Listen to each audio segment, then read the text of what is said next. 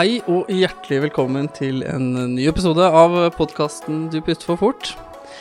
Jeg må si jeg er veldig, veldig heldig.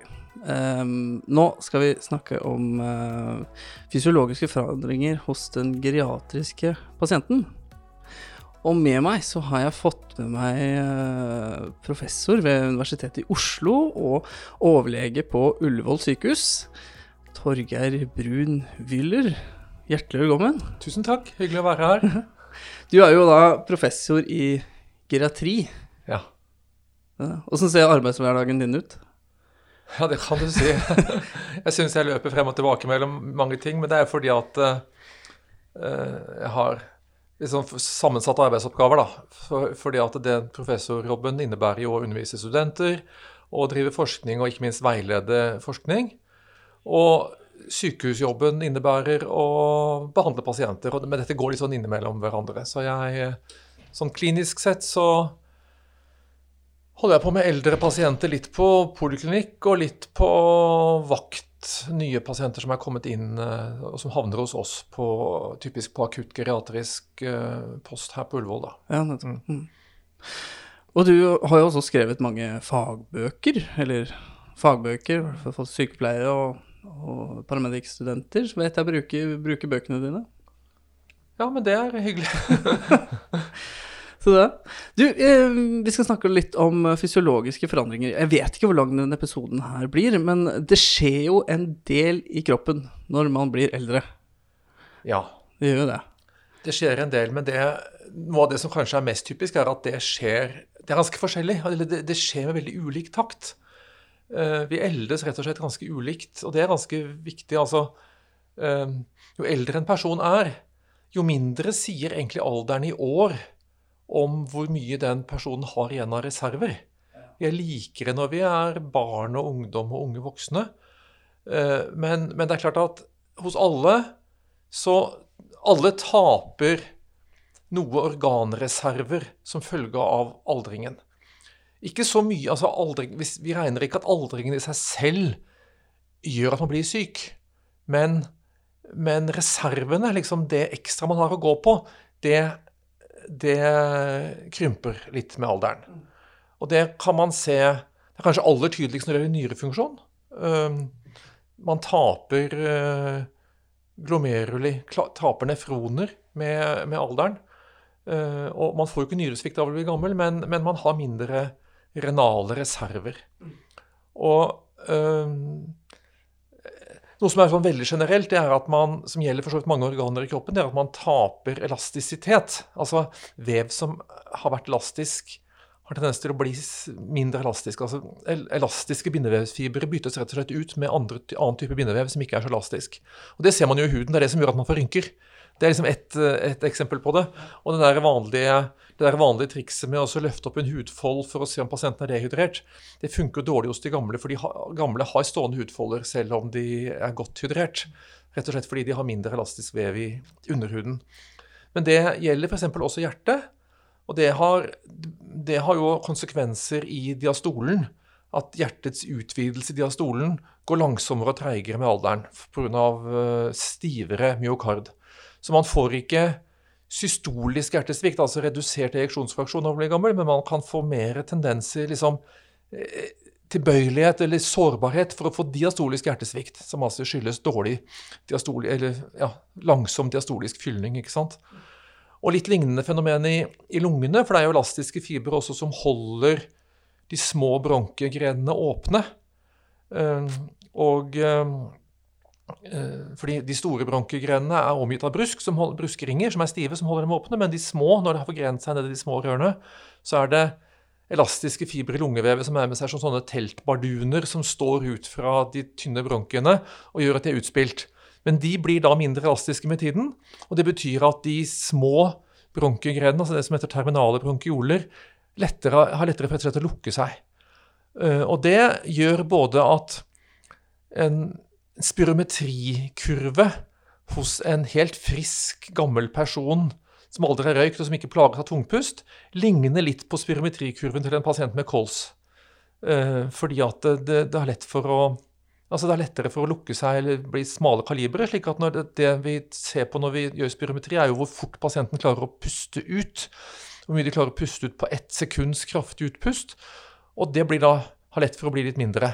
Det blir vanskeligere å skille en normal aldringskurve fra en kolskurve på spirometrien. Og det gjør også, eh, og det er viktig i akuttmedisinsk sammenheng, at eh, normal PO2 hos en eh, gammel person kan være overraskende lav. Altså PO2 helt ned på 8-tallet kan være faktisk helt normalt for en helt frisk, gammel person. Og det har å gjøre med at denne lukkingen av Eller det at bronk, små bronkegrener ikke holdes utspilt, fører at noen, noen, lukker seg helt når pasienten puster ut. Så får vi områder av lungen som ikke er godt ventilert. Men igjen, det betyr at, det, dette er et godt eksempel, for det betyr ikke at alle gamle har PO2 på 80-tallet. For noen gamle har PO2 på 12-tallet, sånn som en frisk, ung person har. Så hvis du får en gammel person og tar en blodgass og PO2 8,5, så, kan, så, er det vanskelig å vite om det er et symptom på lungeemboli eller noe annet uh, akutt, eller om det rett og slett er det normale for den personen. Fordi dette her skrider ulikt, uh, ulikt fram, da. Mm. Men så fysiologiske aldersforandringer er jo en, bland, en miks av det som skyldes alderen i seg selv, og det som skyldes at eh, folk har dratt på seg kroniske sykdommer med alderen. ikke sant? Slik at det er jo, vi får jo ikke, et, vi får jo ikke en Det er ikke noe klar grense mellom hva som er hva. Hvis vi går tilbake til nyrene, f.eks., så er det klart at som jeg sier, nyrene er nok kanskje det organet hvor den tendensen til redusert reserve med bare aldring i seg selv på en måte er tydeligst. På den annen side er det jo fryktelig mange som har ytterligere skade på nyrene sine av f.eks. mangeårig høyt blodtrykk eller mangeårig diabetes. Begge to veldig alminnelige tilstander. ikke sant? Slik at eh, da kommer det på toppen da, av, av den rent sånn aldersrelaterte eh, tap av organfunksjon. Så, så det at jo eldre man er, desto større sjanse har man for å enten ha kroniske sykdommer eller ha hatt noe, hatt et hjerteinfarkt en gang i tiden f.eks., som har tatt en del av myokard. Eh, ikke sant? Eh, det bidrar jo ytterligere til at gruppen eldre blir så heterogen, så de blir så forskjellige. Mm. Når er det aldringsprosessen begynner? Altså igjen, når jeg leser meg litt opp før, før vi skulle begynne her nå, så da står det at eh, fra, fra 30-årene Uh, og utover så begynner mm. nyrene å få redusert uh, funksjon, da. Stemmer det? Ja, det er også litt sånn forskjell på forskjellige folk, og også litt forskjell på forskjellige organsystemer. Men sånn helt røftlig, veldig grovt sagt, så kan man vel si det at uh, vi bygger opp organene våre i fosterliv og barndom og ungdom. Og så når man kanskje et platå sånn sent i tenårene, og så gjennom 20-årene, så, så, er man ca. på toppen, ganske sånn flatt. Og så begynner det der uh, ugjenkallelige aldersrelaterte tapet, kanskje allerede i slutten av 20-årsalderen, og i hvert fall rundt 30. Men det er langsomt, da. Det er langsomt tap. ikke sant? Så selv om, man, selv om man faller ned og ned og ned og ned i reserve fra man er 30 til man er 100, så skal man på en måte regne som normalt å bli 100 år uten å ha Uten at organsvikten er kommet så langt at den gir symptomer så lenge man er stabil. Mm. Men det skal mindre til av ytterligere påkjenning før man da ikke lenger er stabil, jo eldre man er. For man har mindre, mindre å gå på. Mm. Um, sånn for våre del, altså prehospitalt og akuttsetting, uh, vi er ofte inne hos uh, pasienter, enten på sykehjem eller, eller hjemme. pasienter som har falt, eller ikke sant. Vi skal snakke litt om funksjonssvikter og, og, sånn i neste episode. Men um, i forhold til nyrene, og er det svikt i de, og vi gir medisiner og sånt, hva slags betydning har det for disse pasientene, og hva må vi tenke at, at vi skal være forsiktige med? Ja, de som, på, de som bor på sykehjem, de er jo ikke friske. De, jo, de, de, bor jo ikke på sykehjem fordi de er gamle, men fordi de er syke. Eh, så de er jo ofte, veldig ofte veldig syke. Mange langt fremskredne kroniske sykdommer på en gang og er skrøpelige og, og har på en måte en er eldre biologisk enn det deres kronologiske alder i år skulle tilsi, da. Så Det betyr jo at de typisk har mindre reserver og mindre å gå på. Det betyr ikke at alle de nødvendigvis har dårlige nyrer, men vil jo, ofte vil de ha det også. Og da, og da Det har jo konsekvenser veldig mye, medis, veldig mye medisiner. Ehm, for det første er det jo mange medikamenter som elimineres renalt, slik at det tar lengre tid å, å, få dem ut. Kanskje ikke så mye av de tenker meg om. De medisinene dere administrerer som prehospitalt akutt, det er jo ofte ikke så veldig mye renal uh, eliminasjon, kanskje, men mye av det de står på fast. Altså for eksempel, for eksempel Furix, da. Ja. ja, ikke sant. Og, og, og ja, Det er et godt eksempel med vanndrivende. For én ting er at det skilles ut renalt. En annen ting er at du påvirker jo da Altså På den ene siden, så Hvis pasienten er stuvet, så vil det gjerne ha effekt å få, å få vannet ut. Og da kan det, Hvis nyrene er dårlige, så, så virker kanskje Furiksen dårligere. Du må gi større dose for å få effekt. På den annen side så jo da, blir Furiksen sittende lenger i, og fordi den er vannløselig og går, skilles selv ut av nyrene.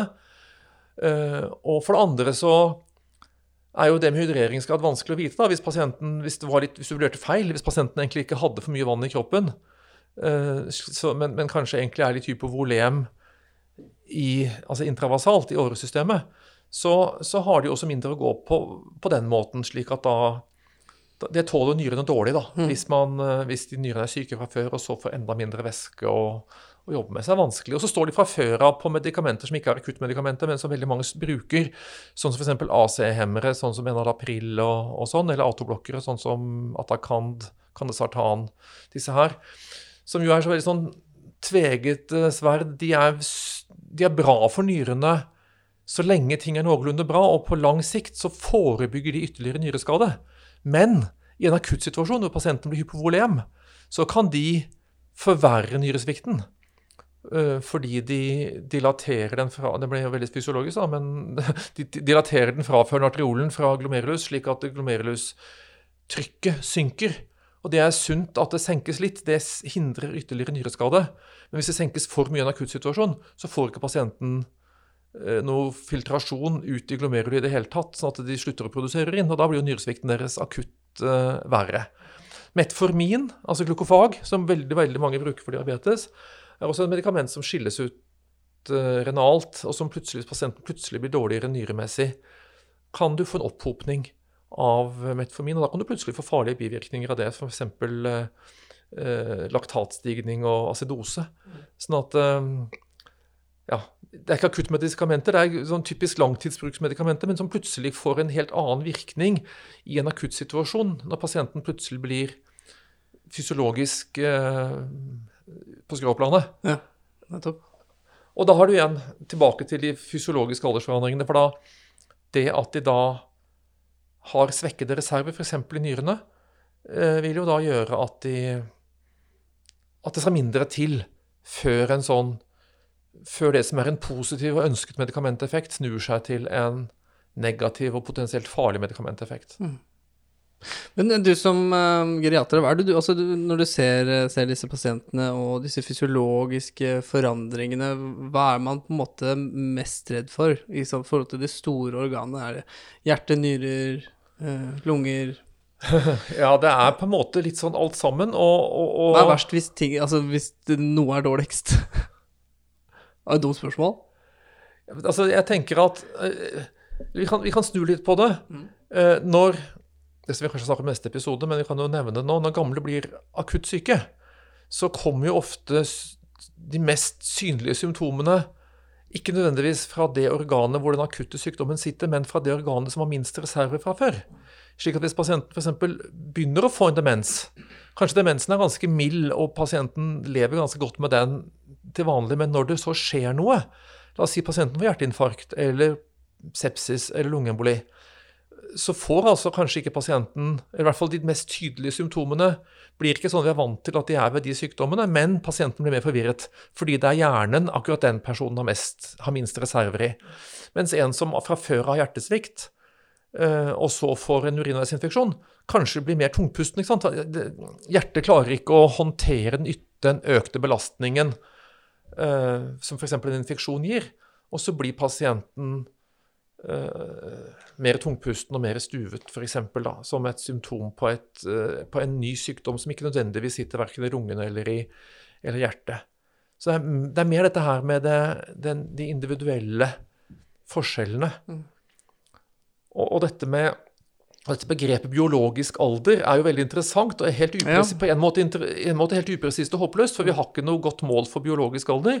På den annen side er det kjempeinteressant, for det er det vi egentlig er interessert i. Og det, når jeg sier at forskjelligheten øker med alderen, så sier jeg på en måte også at, at uh, jo eldre man er, dess mindre sier kanskje den kronologiske alderen, altså den som styres av fødselsdatoen, den sier mindre og mindre om pasientenes biologiske alder, som er det vi på en måte egentlig er interessert i. For det er jo den biologiske alderen som både sier, som sier noe om hvor lenge det er sannsynlig at dette mennesket kommer til å leve videre, um, og hvor mye organreserve vedkommende har, hvor sårbar vedkommende er.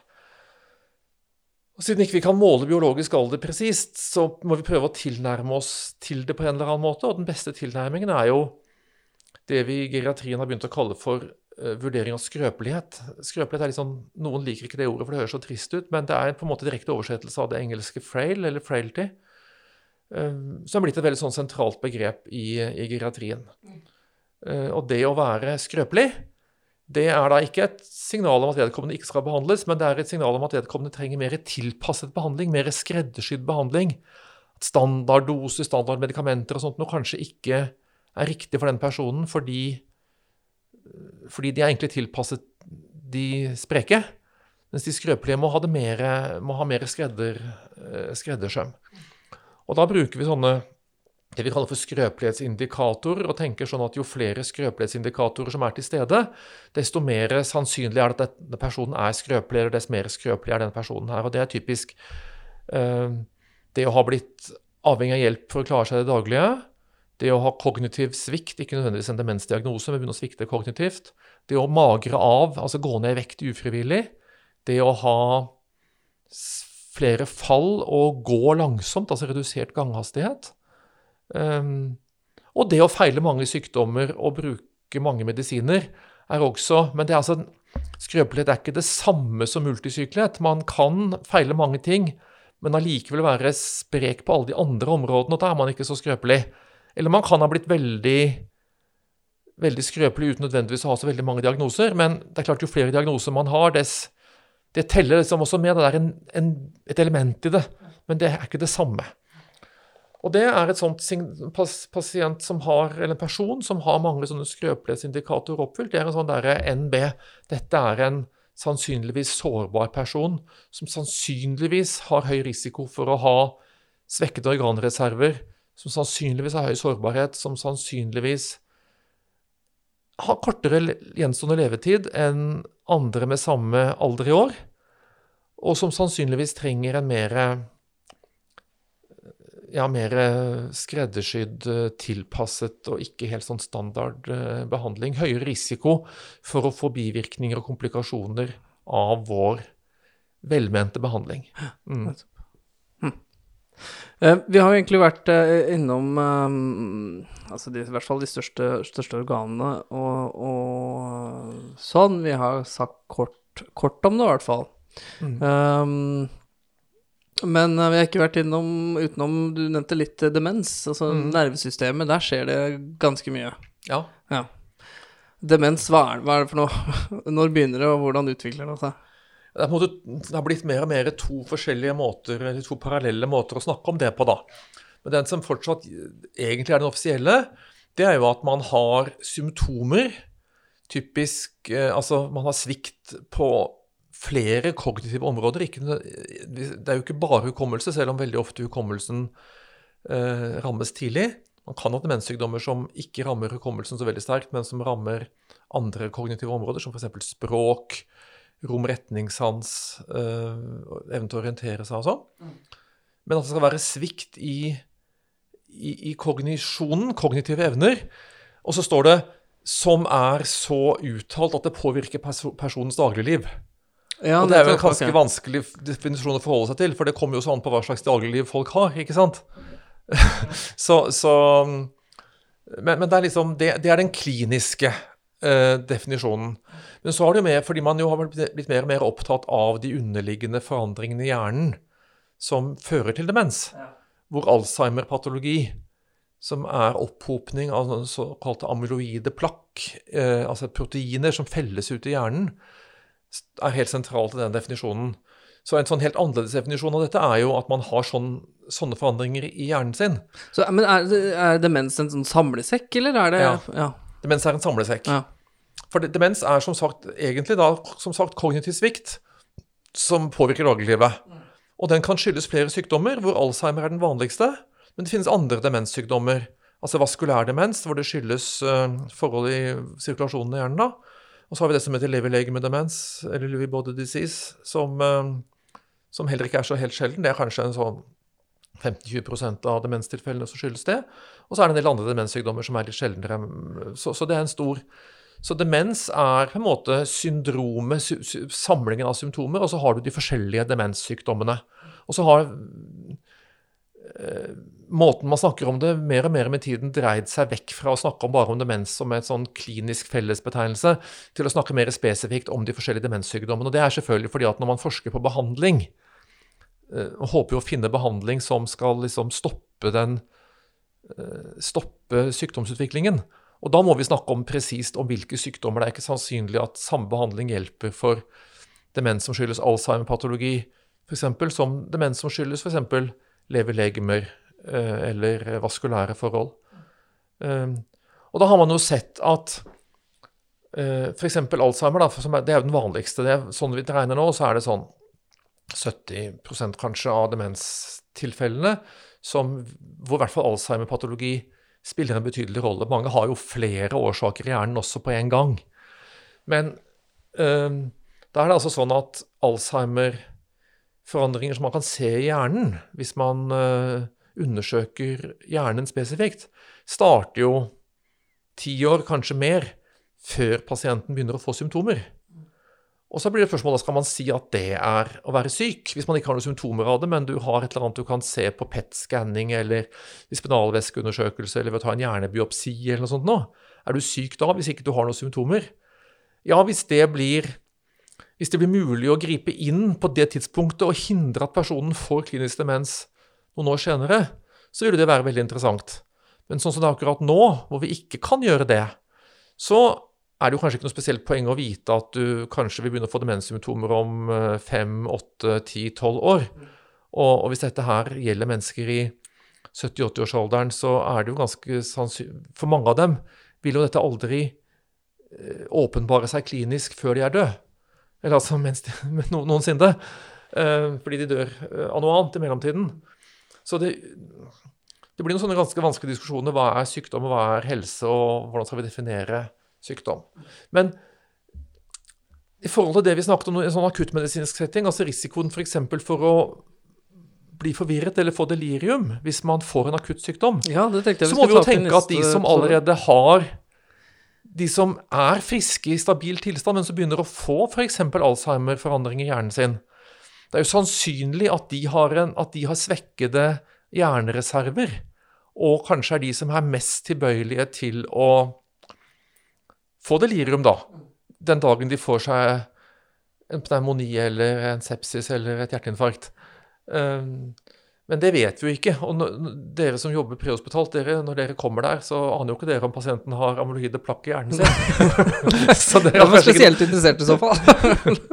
så dere har kanskje ikke noe nytte av det. Men det er jo interessant i forhold til det med reserve. altså Det er jo også et eksempel da, Ja. på noe som kanskje ligger i gråsonen mellom en normal aldersforandring og en sykdomsforandring, eller en, en preklinisk, altså en sykdomsforandring som kommer før pasienten begynner å få kliniske symptomer, men som, som igjen i hvert fall øker sårbarheten for å få symptomer fra det organet, altså i dette tilfellet hjernen, eh, når belastningen på hjernen av en eller annen grunn øker pga. sykdom, traume, operasjon, et eller annet, ikke sant? Som, som setter økt krav til, til fysiologien. Ja. Mm. Men jeg syns det er rart noen ganger. Altså, Nå snakker jeg om egne erfaringer. da. Hvis Man kommer hjem til vedkommende, gjør en undersøkelse, pasienten virker helt adekvat, eh, går rundt selv altså, klarer, Det ser ut som klarer seg greit. Og så kommer enten hjemmesykepleierne eller pårørende, og så sier de er, altså, er det noen andre sykdommer? Ja, hun er litt dement. Ja. Og Det, er, ja, det er ikke så lett å oppdage, men nå er vi der veldig, veldig kort, da. Ja. ja ikke sant? Og, og mild demens, det eh, kommer jo mest til syne hvis pasienten blir litt, litt utfordret, ikke sant? Og så, så lenge de da er eh, Mange har jo bevart liksom de, de sånn grunnleggende ferdighetene når det gjelder å, å snakke med folk, føre en eh, sånn helt sånn enkel konversasjon. eh, svarer litt det som blir forventet av dem. og sånt. Og det er jo, eh, Ved, ved milde menn så vil jo det, den funksjonen være godt bevart. så det er jo liksom først hvis man, hvis man utfordrer vedkommende litt med noe som er litt utenfor det helt automatiske, at man vil oppdage at de, at de begynner å svikte. Og typisk Så lenge en sånn person er hjemme i sine egne vante omgivelser, så vil de jo lettere måtte holde fasaden. da.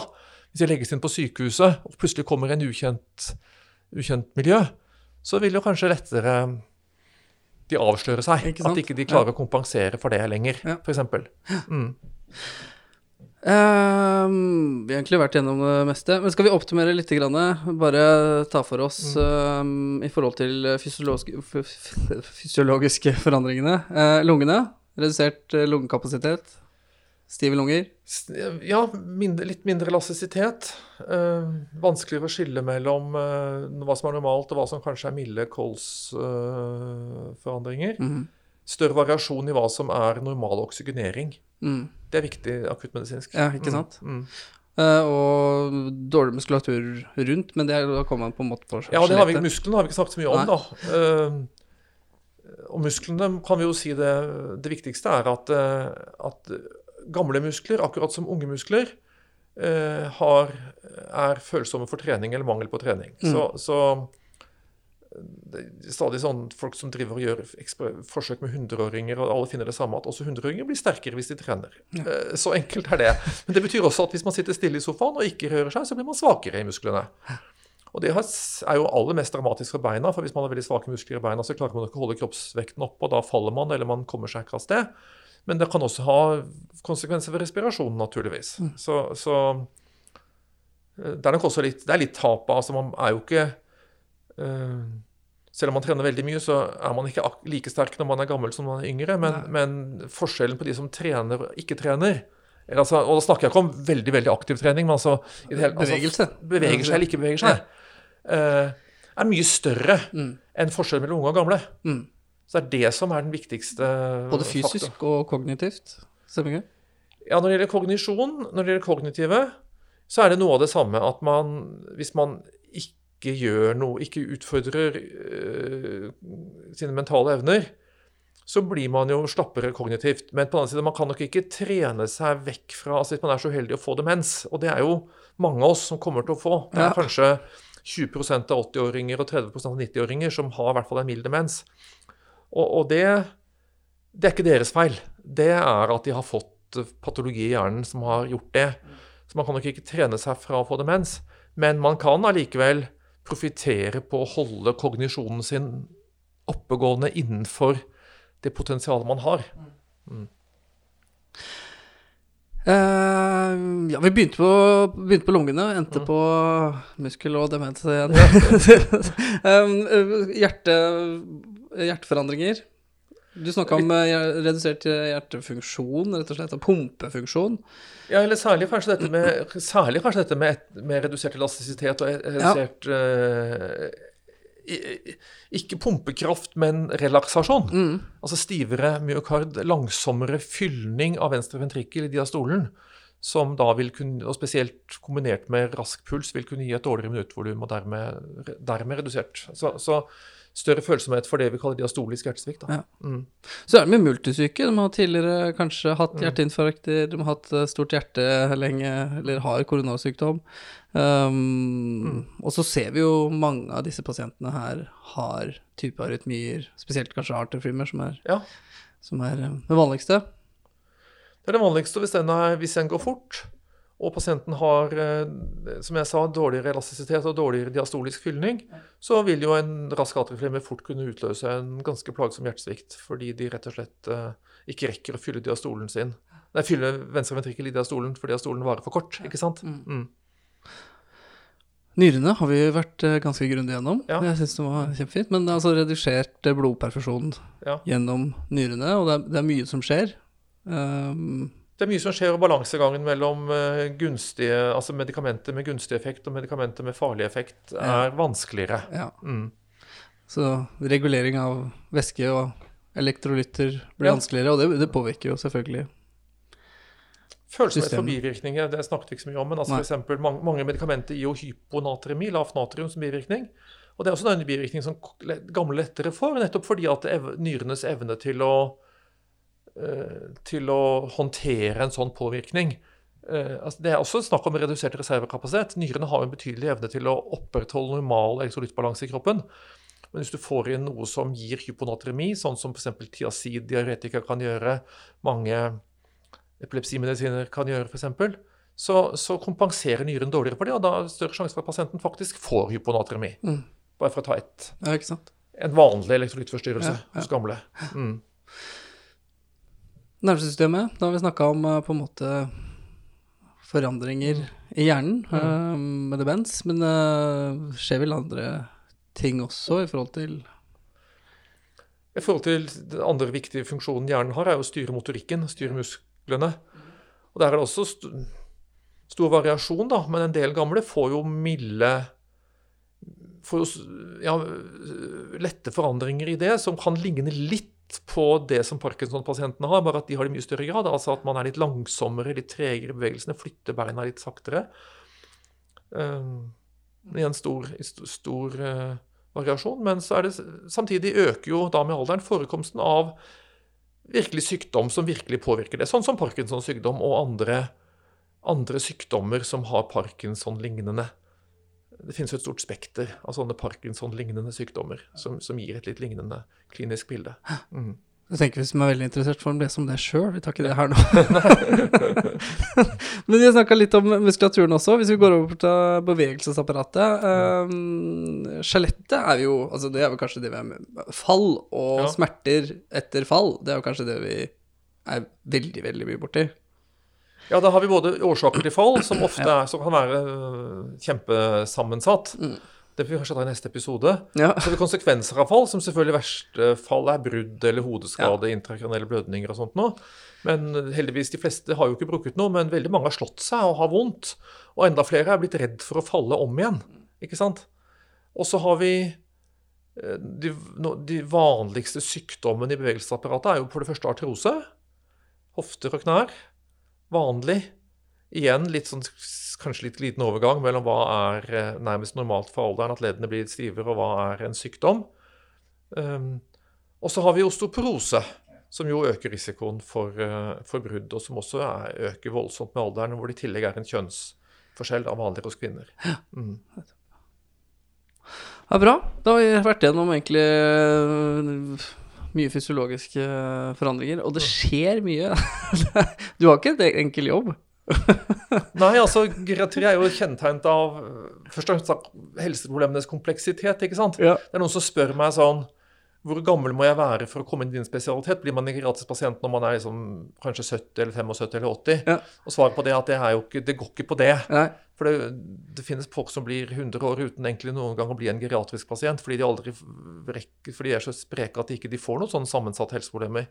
Så er det noen som er uheldige og blir geriatriske pasienter kanskje allerede når de er 60. Det er jo ekstremt tidlig. Men, men altså, bare for å illustrere at geriatri handler først og fremst om å håndtere pasienter som har sammensatte, ofte mange sykdommer, ofte polyfarmasi, ting som eh, blander seg inn i hverandre og gir et eh, komplekst bilde, og forsøker å sortere ut det. Og jo eldre pasienten er, desto større er selvfølgelig, sannsynligheten for at vedkommende har blitt en geriatrisk pasient. Men det er ikke alderen i seg selv som definerer det. Mm. Vi fortsetter øh, neste episode med litt øhm, eh, hva som skjer med den, eller den akutte syke geriatriske pasienten. Mm. Um, og så tar vi det videre derfra. Takk for uh, denne episoden, og så Tusen takk for nå. ja, prøver vi å ta neste runde. Takk.